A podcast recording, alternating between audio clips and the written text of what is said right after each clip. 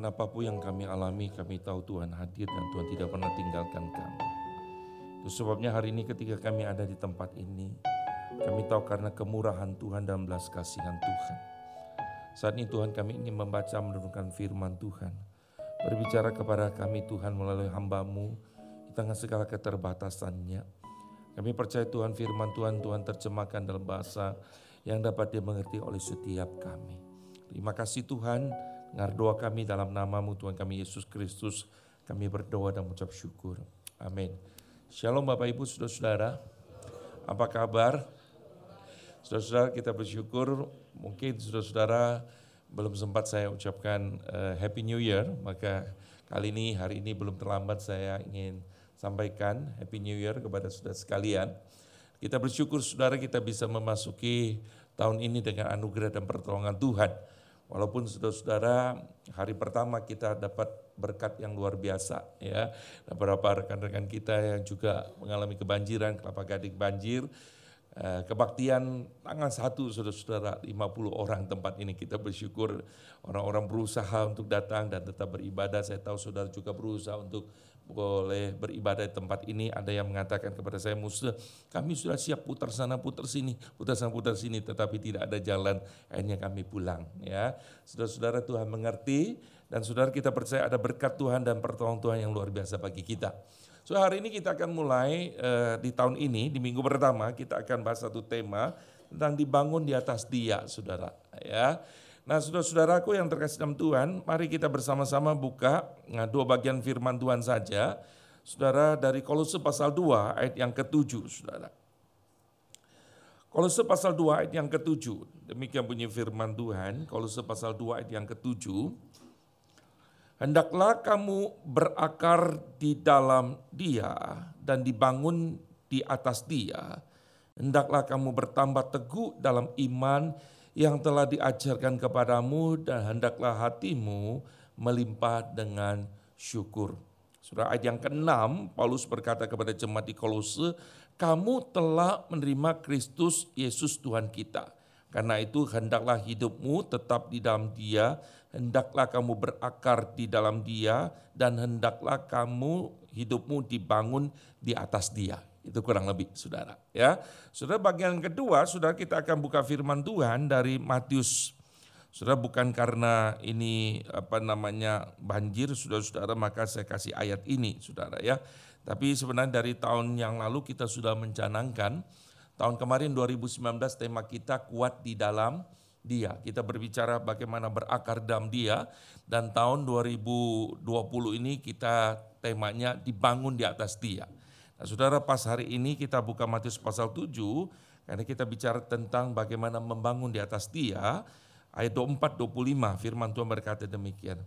Setiap orang yang mendengar perkataanku ini dan melakukannya, ia sama dengan orang yang bijaksana, yang mendirikan rumahnya di atas batu. Kemudian turunlah hujan dan datanglah banjir, lalu angin melanda rumah itu, tetapi rumah itu tidak rubuh sebab didirikan di atas batu. Sampai demikian jawab pembacaan firman Tuhan. Nah saudara-saudara tolong tampilkan foto ini. Saudara-saudara ini ada sebuah gedung, menara.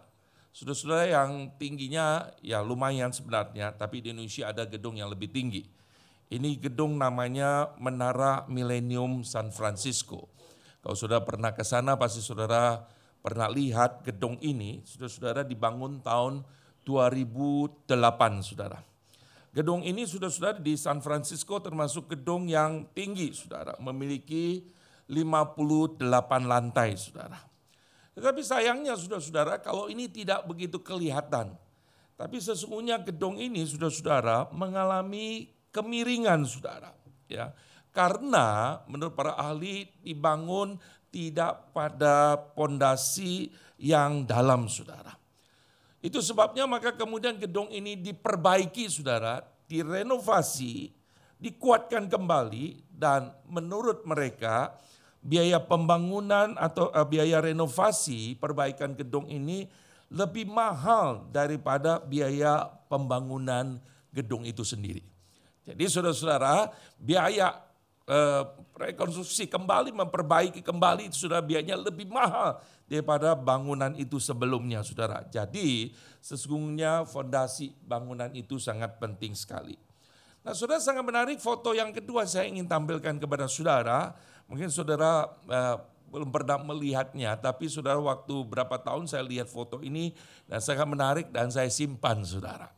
Nah saudara-saudara ini ada sebuah rumah yang dibangun di sebuah pulau karang di eh, di Sungai Drina, saudara. Saya juga belum pernah ke sana dan tahu. Saudara di dekat namanya Bazina Basta, Serbia, saudara.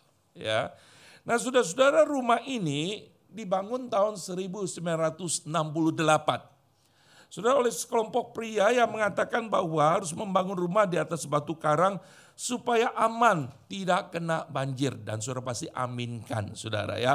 Pagi ini kalau saya katakan saudara-saudara karena waktu kita menyaksikan rumah-rumah gedung-gedung kalau kita lihat televisi ya ketika banjir badang itu datang saudara rumah itu seakan saudara tidak ada kekuatannya dan hanyut dan lenyap saudara Sudah maka kita ingat apa yang Tuhan Yesus katakan bahwa setiap orang yang mendengar perkataanku dan melakukannya ia sama dengan orang bijaksana yang mendirikan rumahnya di atas batu kemudian apa saudara turunlah hujan dan datanglah banjir lalu angin melanda rumah itu tapi rumah itu tidak rubuh sebab didirikan di atas batu saudara.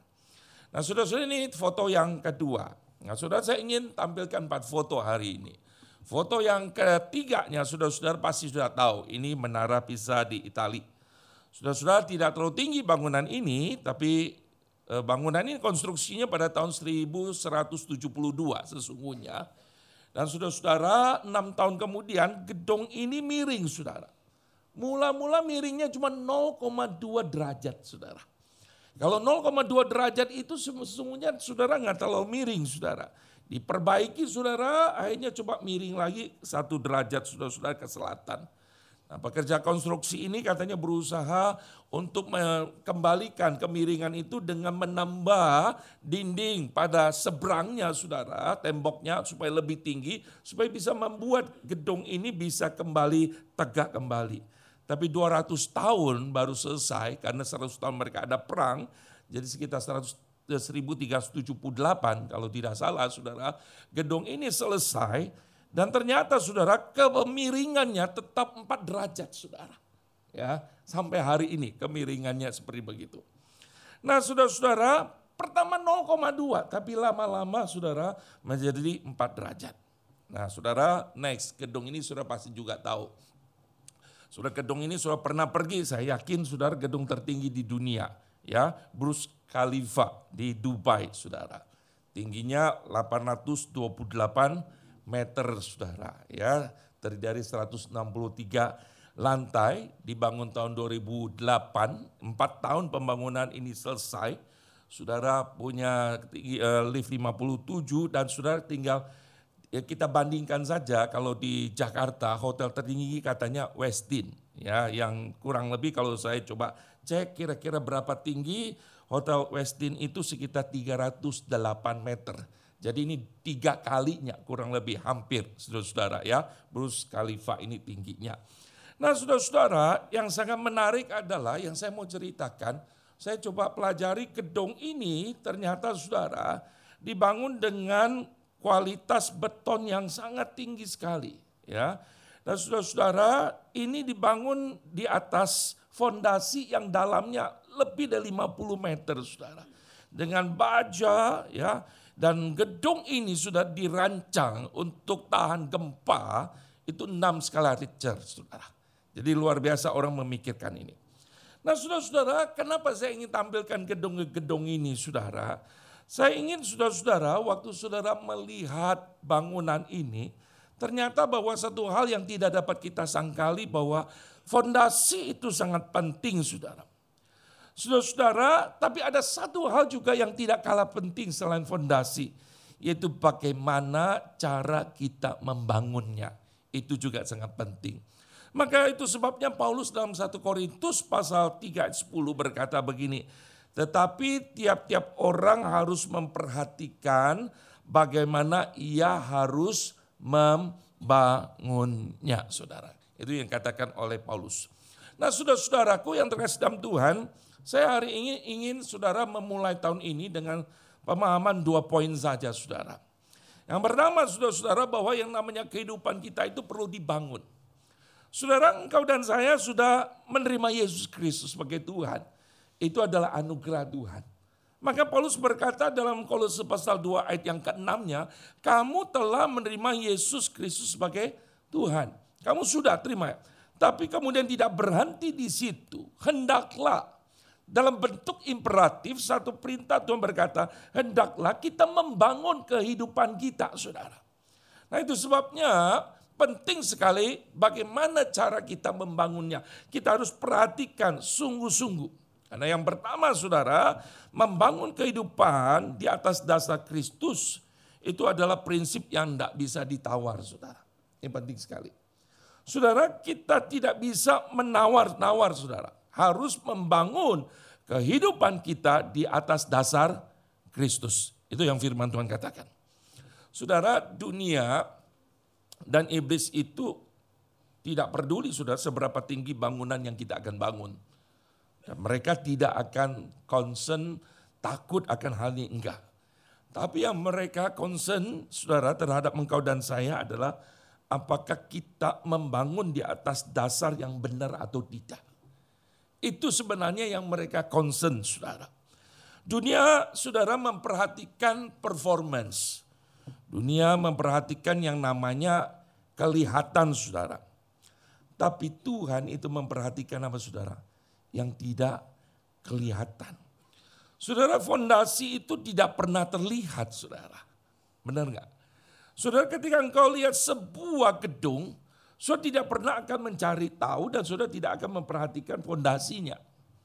Ini dari orang awam, saudara. Pasti tidak perhatikan itu. Karena dia ada di bawah tidak terlihat. Tapi fondasi itu harga mati tidak bisa ditawar, saudara, dalam sebuah bangunan. Saudara-saudara orang tidak pernah mengagumi saudara-saudara fondasi, tidak pernah. Tapi saudara-saudara waktulah yang akan menguji bangunan itu kokoh atau tidak. Karena sekali lagi dibangun di atas fondasi yang kuat atau tidak itu akan nampak. Waktulah yang akan membuktikan bangunan kita di atas fondasi yang benar atau tidak saudara. Saudara-saudara ketika engkau dan saya membangun kehidupan ini saudara. Ini memerlukan hikmat Tuhan.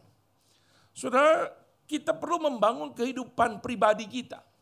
Membangun kehidupan keluarga kita. Membangun saudara pekerjaan kita, bangun pelayanan kita, gereja kita. Saudara, hikmat itu dapat dari mana? Alkitab berkata hikmat itu datang dari hati yang takut akan Tuhan. Saudara, dunia menawarkan banyak sekali prinsip-prinsip membangun kehidupan saudara. Yang kelihatannya baik, menarik, dan tidak jauh berbeda mungkin dengan prinsip Alkitab saudara. Hampir sama. Tapi hati-hati saudara kalau tidak di atas dasar Kristus. Saudara engkau membangun kalau tidak sepenuhnya. Saudara di atas tapi tidak sepenuhnya saudara maka gak bangunan itu akan bergeser. Saudara mengatakan begini, enggak apa-apa. Ya cuma sedikit kan. Tadi saudara bangunan itu cuma gesernya 0,2 derajat. Saudara kalau 0,2 derajat saudara-saudara, tapi semakin tinggi bangunan itu semakin lama, maka di atasnya semakin besar tidak saudara? Semakin besar kemiringannya saudara. Saudara itu sebabnya semakin tinggi, semakin diterpa. Itu sebab tadi saya berkata begini, iblis tidak pernah akan gentar dan takut dengan bangunanmu yang indah.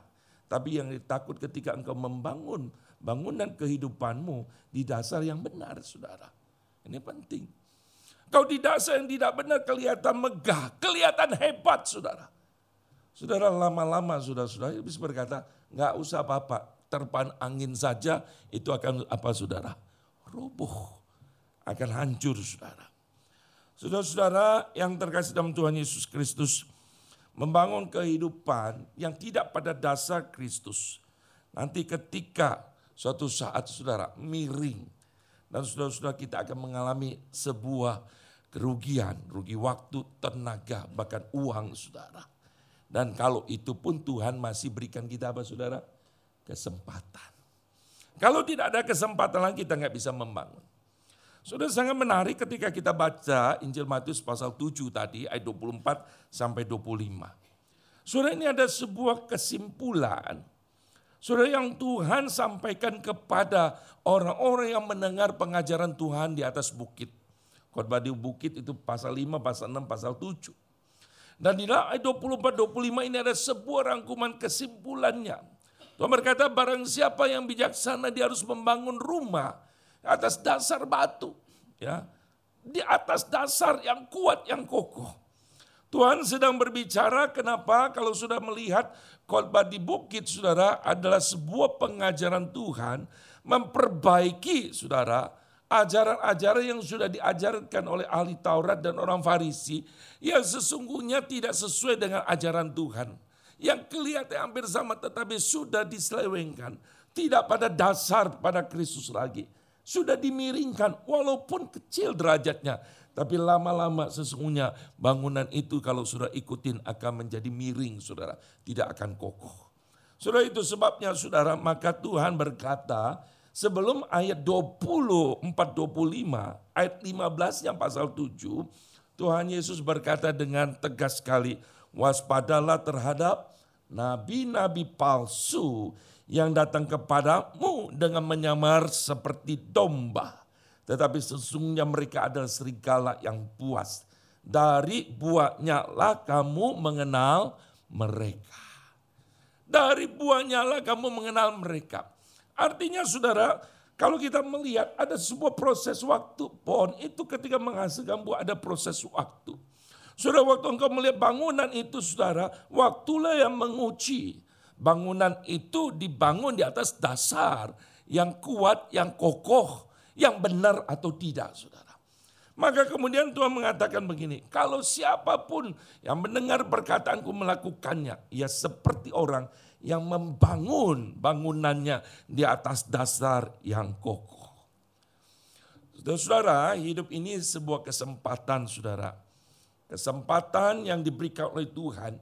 Kita bersyukur kita bisa masuki 20, 20 dan meninggalkan 2019. Ada orang tinggalkan 2019 tanggal satunya. Dia hanya hidup hitungan waktu, hitungan detik, hitungan menit, hitungan jam lalu dia tidak punya kesempatan lagi untuk memperbaiki bangunannya, untuk membangun kehidupan spiritualnya, untuk membangun kehidupan keluarganya, untuk membangun pelayanannya saudara. Saudara-saudara, waktu yang Tuhan berikan kepada kita, yang kita sudah jalani, kita nggak mungkin kembali. Betul tidak? Kita nggak bisa kembali ke 2019, nggak bisa.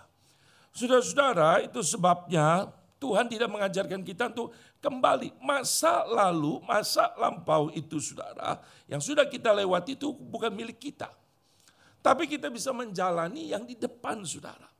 Itu sebabnya maka Paulus berkata kita hendaknya menebus waktu kita. Betul tidak saudara? Kita perlu menebus kehidupan kita. Menebus bangunan kita yang waktu kita bangun mungkin tidak pada dasar. Yang kokoh dasar yang benar saudara. Maka 2020 inilah kesempatan yang Tuhan berikan kepada kita saudara. Saudara namun pertanyaannya saudara-saudara apakah sungguh-sungguh engkau membangun kehidupan spiritualitasmu, kehidupan pribadimu, kehidupan keluargamu, sudah kehidupan usahamu, kehidupan pelayananmu di dalam dasar yang benar pengenalan akan Kristus dan pergaulan akan Tuhan. Saudara gereja ini sudah menyediakan sarana agar kita mengenal Kristus dengan benar. Ada program-program pembinaan, ada tekad setiap hari belajar membaca firman Tuhan. Saudara saya tahu bahwa program ini saudara tidak populer dan tidak laku untuk dijual. Karena saudara merasa inginnya instan. Saudara tidak mungkin kita menanam saudara-saudara sebuah pohon lalu kemudian kita mau segera instan itu menghasilkan buah. Gak bisa saudara. Kemarin saya lagi bercanda saudara-saudara. Untuk sempat liburan saudara-saudara. Ada kebun duren yang kemudian udah empat tahun saudara. Ada buahnya tapi rontok. Baru empat tahun belajar berbuah. Lalu ketemu dengan hamba Tuhan di sana, saya dikerjain saudara. Saya tahu, saya datang, saya bilang, loh kok ada buahnya sudah cepat amat. Dia beli duren, saudara, dia ikat, saudara. Ya, dia bilang, usah makan durian ini udah berbuah, katanya begini ya. Saya lihat, saya bilang, saya mau dicipuain, saudara ya. Saya mau dibohongin, saudara. Saudara nggak bisa, saudara. Saya bilang, satu tahun buat tanam. ya Saya pupuk, mesti hasilkan buah. Butuh proses. Saudara sama dalam pengenalan kita akan Tuhan. Saudara mau kokoh, teguh, butuh waktu, butuh komitmen, butuh keseriusan belajar firman Tuhan. Tidak bisa saudara, waktu kalau sudah berpikir, wah saya pokoknya sebentar aja saya sudah kuat, saya sudah menguasai. Itu sebabnya saudara-saudara pengajaran kita itu mengalami yang namanya penyimpangan saudara. Kita kenapa mulai goyah? Gedung itu kenapa miring? Karena tidak pada dasar yang kokoh dan kuat. Butuh waktu, butuh komitmen saudara. Saudara jangan berpikir miring, nggak apa-apa. Lama-lama saudara-saudara kemiringan itu semakin besar derajatnya. Sudah yang kedua, sudah membangun itu tidak bisa tolong menawar dasar Kristus.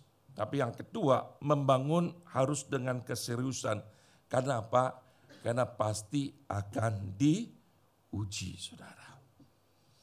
Saudara bangunan, sudah perhatikan, tolong dikasih gambar fondasinya, saudara. Ini fondasi yang tadi ya, yang saya katakan bangunan Burj Khalifa ini saudara, segitiga ini saudara, dalam sampai 50 dan saudara itu pakai plat-plat baja kualitas yang baik. Dan bukan cuma fondasinya saudara, tetapi kemudian dikatakan mereka memperhatikan bahan-bahan yang mereka pakai untuk membangun bangunan ini. Saudara-saudara orang-orang yang luar biasa dalam bangunan ini tuh luar biasa. Tolong ditampilkan saudara orang-orang yang membangun ini. Nih tampilnya saudara para uh, yang apa namanya para saudara-saudara kaya Arab. Yang sebelah kanan itu agak nempel di situ ya saudara-saudara. itu makanya agak gelap dan tidak kelihatan sedikit. Itu sumbangnya sedikit saudara ya. Nah ini orang-orang katanya yang membangunnya saudara. Nah saudara tolong cepat hapuskan foto ini agak memalukan saudara. Karena ada satu saudagar yang muncul. Saudara-saudara Burj Khalifa ini saudara dibangun dengan perhitungan dan pertimbangan yang sangat serius. Saudara-saudara dikatakan aspek-aspek yang paling kecil mereka perhatikan. Liftnya itu sudah kecepatannya tiga lantai itu satu detik. Saudara tadi saya coba saya naik ke lantai lima saudara 27 detik saudara ya. Set. Mereka tiga lantai, set, satu detik. Begitu cepat sekali. Dan tidak goyang saudara waktu kita sampai 163 lantai. Tidak goyang. Begitu cepat dan bahkan setiap tiga lantai dikatakan mereka punya tempat saudara-saudara penampungan yang digunakan saudara-saudara dalam keadaan darurat saudara, bahkan mungkin kebakaran serangan teroris. Jadi setiap 30 lantai mereka punya tempat penampungan. Dan sudah dindingnya tebalnya itu untuk lift itu katanya satu meter. Saya tidak tahu tebalnya seperti begitu. Mereka perhatikan dan tahan gempa mereka bangunan itu. Tapi kita tidak tahu saudara-saudara nanti serangan bagaimana saya nggak tahu. Tapi tentu mereka pertimbangkan dan bangun ini dengan serius. Saudara-saudara, Paulus berkata, ketika engkau membangun kehidupanmu, saudara bagaimana engkau membangunnya? Kalau dunia saudara membangun bangunannya dengan serius, dengan sungguh-sungguh, dengan komitmen penuh. Pertanyaan bagaimana saudara dan saya kita membangun kehidupan kita saudara. Bagaimana kita membangun kehidupan pribadi kita, keluarga kita, pelayanan kita, saudara. So ini penting sekali. Kalau orang dunia memikirkan hal ini dengan sungguh-sungguh membangunnya. Masa kita main-main, saudara. Saudara, kualitas itu membutuhkan ujian. Saudara percaya, waktu engkau membangun bangunan pribadi kehidupanmu, saudara. Keluargamu, saudara kalau engkau membangun tidak dengan bahan yang terbaik dengan sungguh-sungguh, maka ketika ujian itu datang menerpa, saudara-saudara akan mengalami kegoncangan saudara. Kualitas tidak bisa dibohongi. Dan kualitas itu akan membutuhkan ujian. Dan Tuhan berkata bahwa kita pasti akan diuji. Itu bukan kalimat saya. Ujian itu datang sesuai dengan waktu Tuhan. Bukan waktu kita. Sudah terkadang ujian itu datang di saat kita merasa belum siap. Kita berpikir bangunan kita belum selesai. Dan kita berkata Tuhan jangan dong belum selesai. Tunggu dan selesai dulu. Tapi terkadang memang Allah sengaja saudara-saudara Memang bangunan itu belum selesai, bangunan kehidupan kita belum selesai, dan Allah mengizinkan ujian itu terjadi. Supaya apa saudara? Supaya kos harganya tidak terlalu mahal yang kita keluarkan.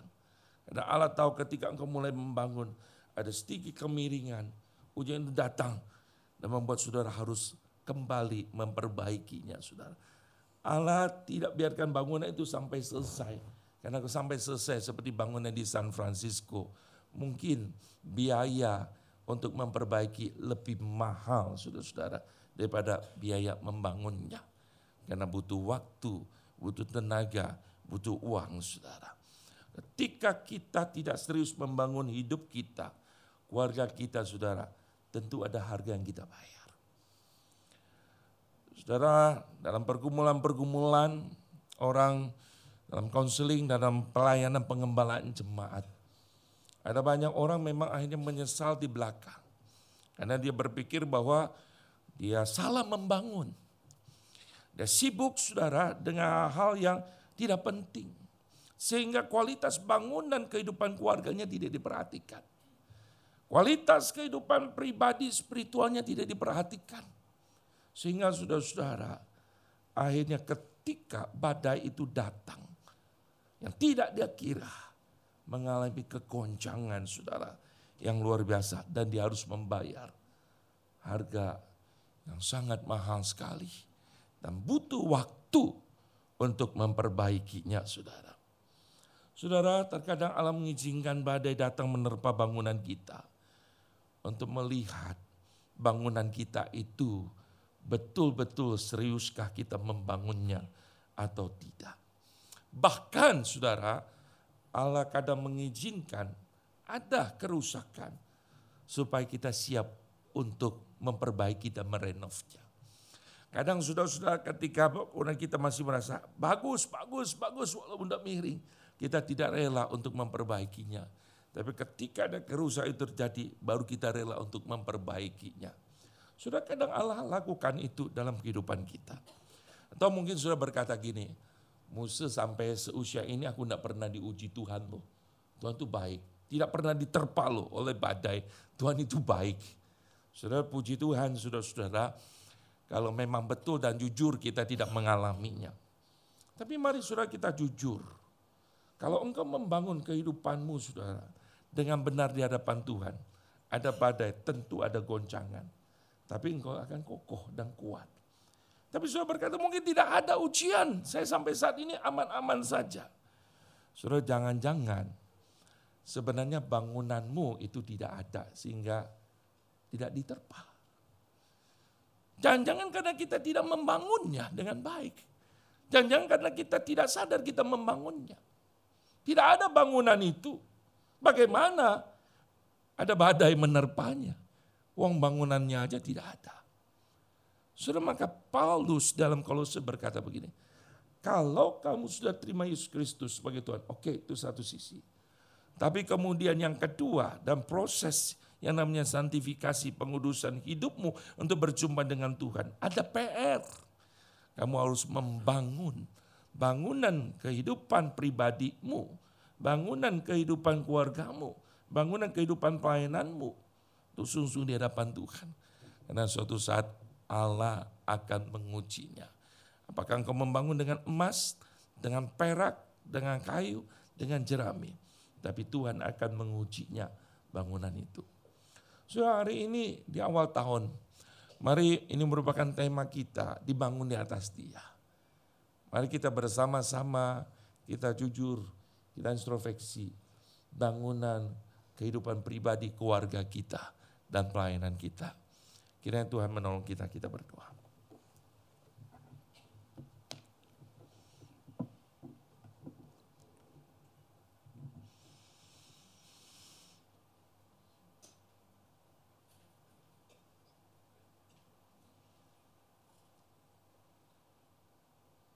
Minta musik mainkan sebuah pujian.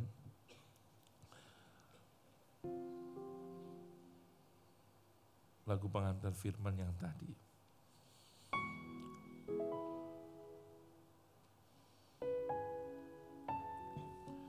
Saudara saya ingin aja kita ambil waktu teduh di hadapan Tuhan.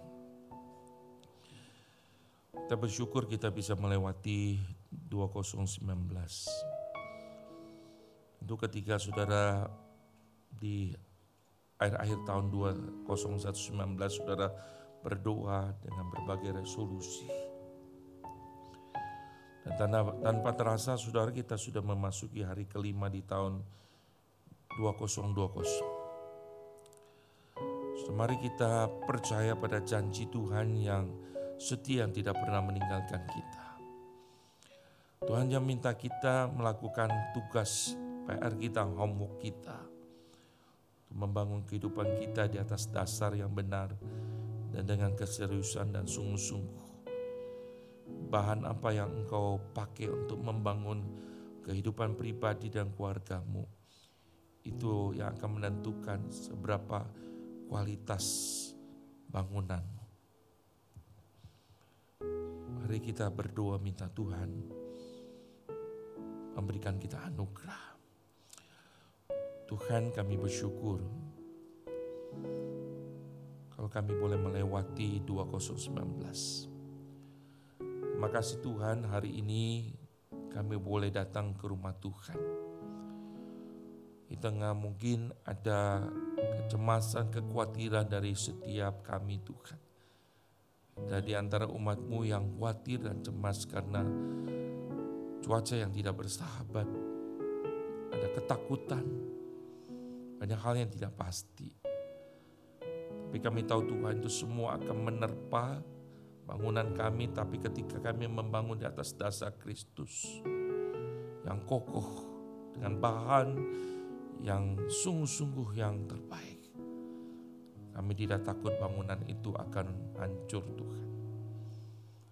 Terima kasih Tuhan, kami berdoa untuk kehidupan pribadi, keluarga dari setiap umatmu di tempat ini. Tuhan kau tolong, kau terus berkati, engkau terus sertai mereka Tuhan. Kami rindu kalau Tuhan mengantar kami masuki 2020. Kami mohon hikmat pertolongan Tuhan kami dapat menyelesaikan dengan baik. Terima kasih dengar doa kami. Dalam nama Tuhan Yesus kami berdoa dan mengucap syukur. Amin.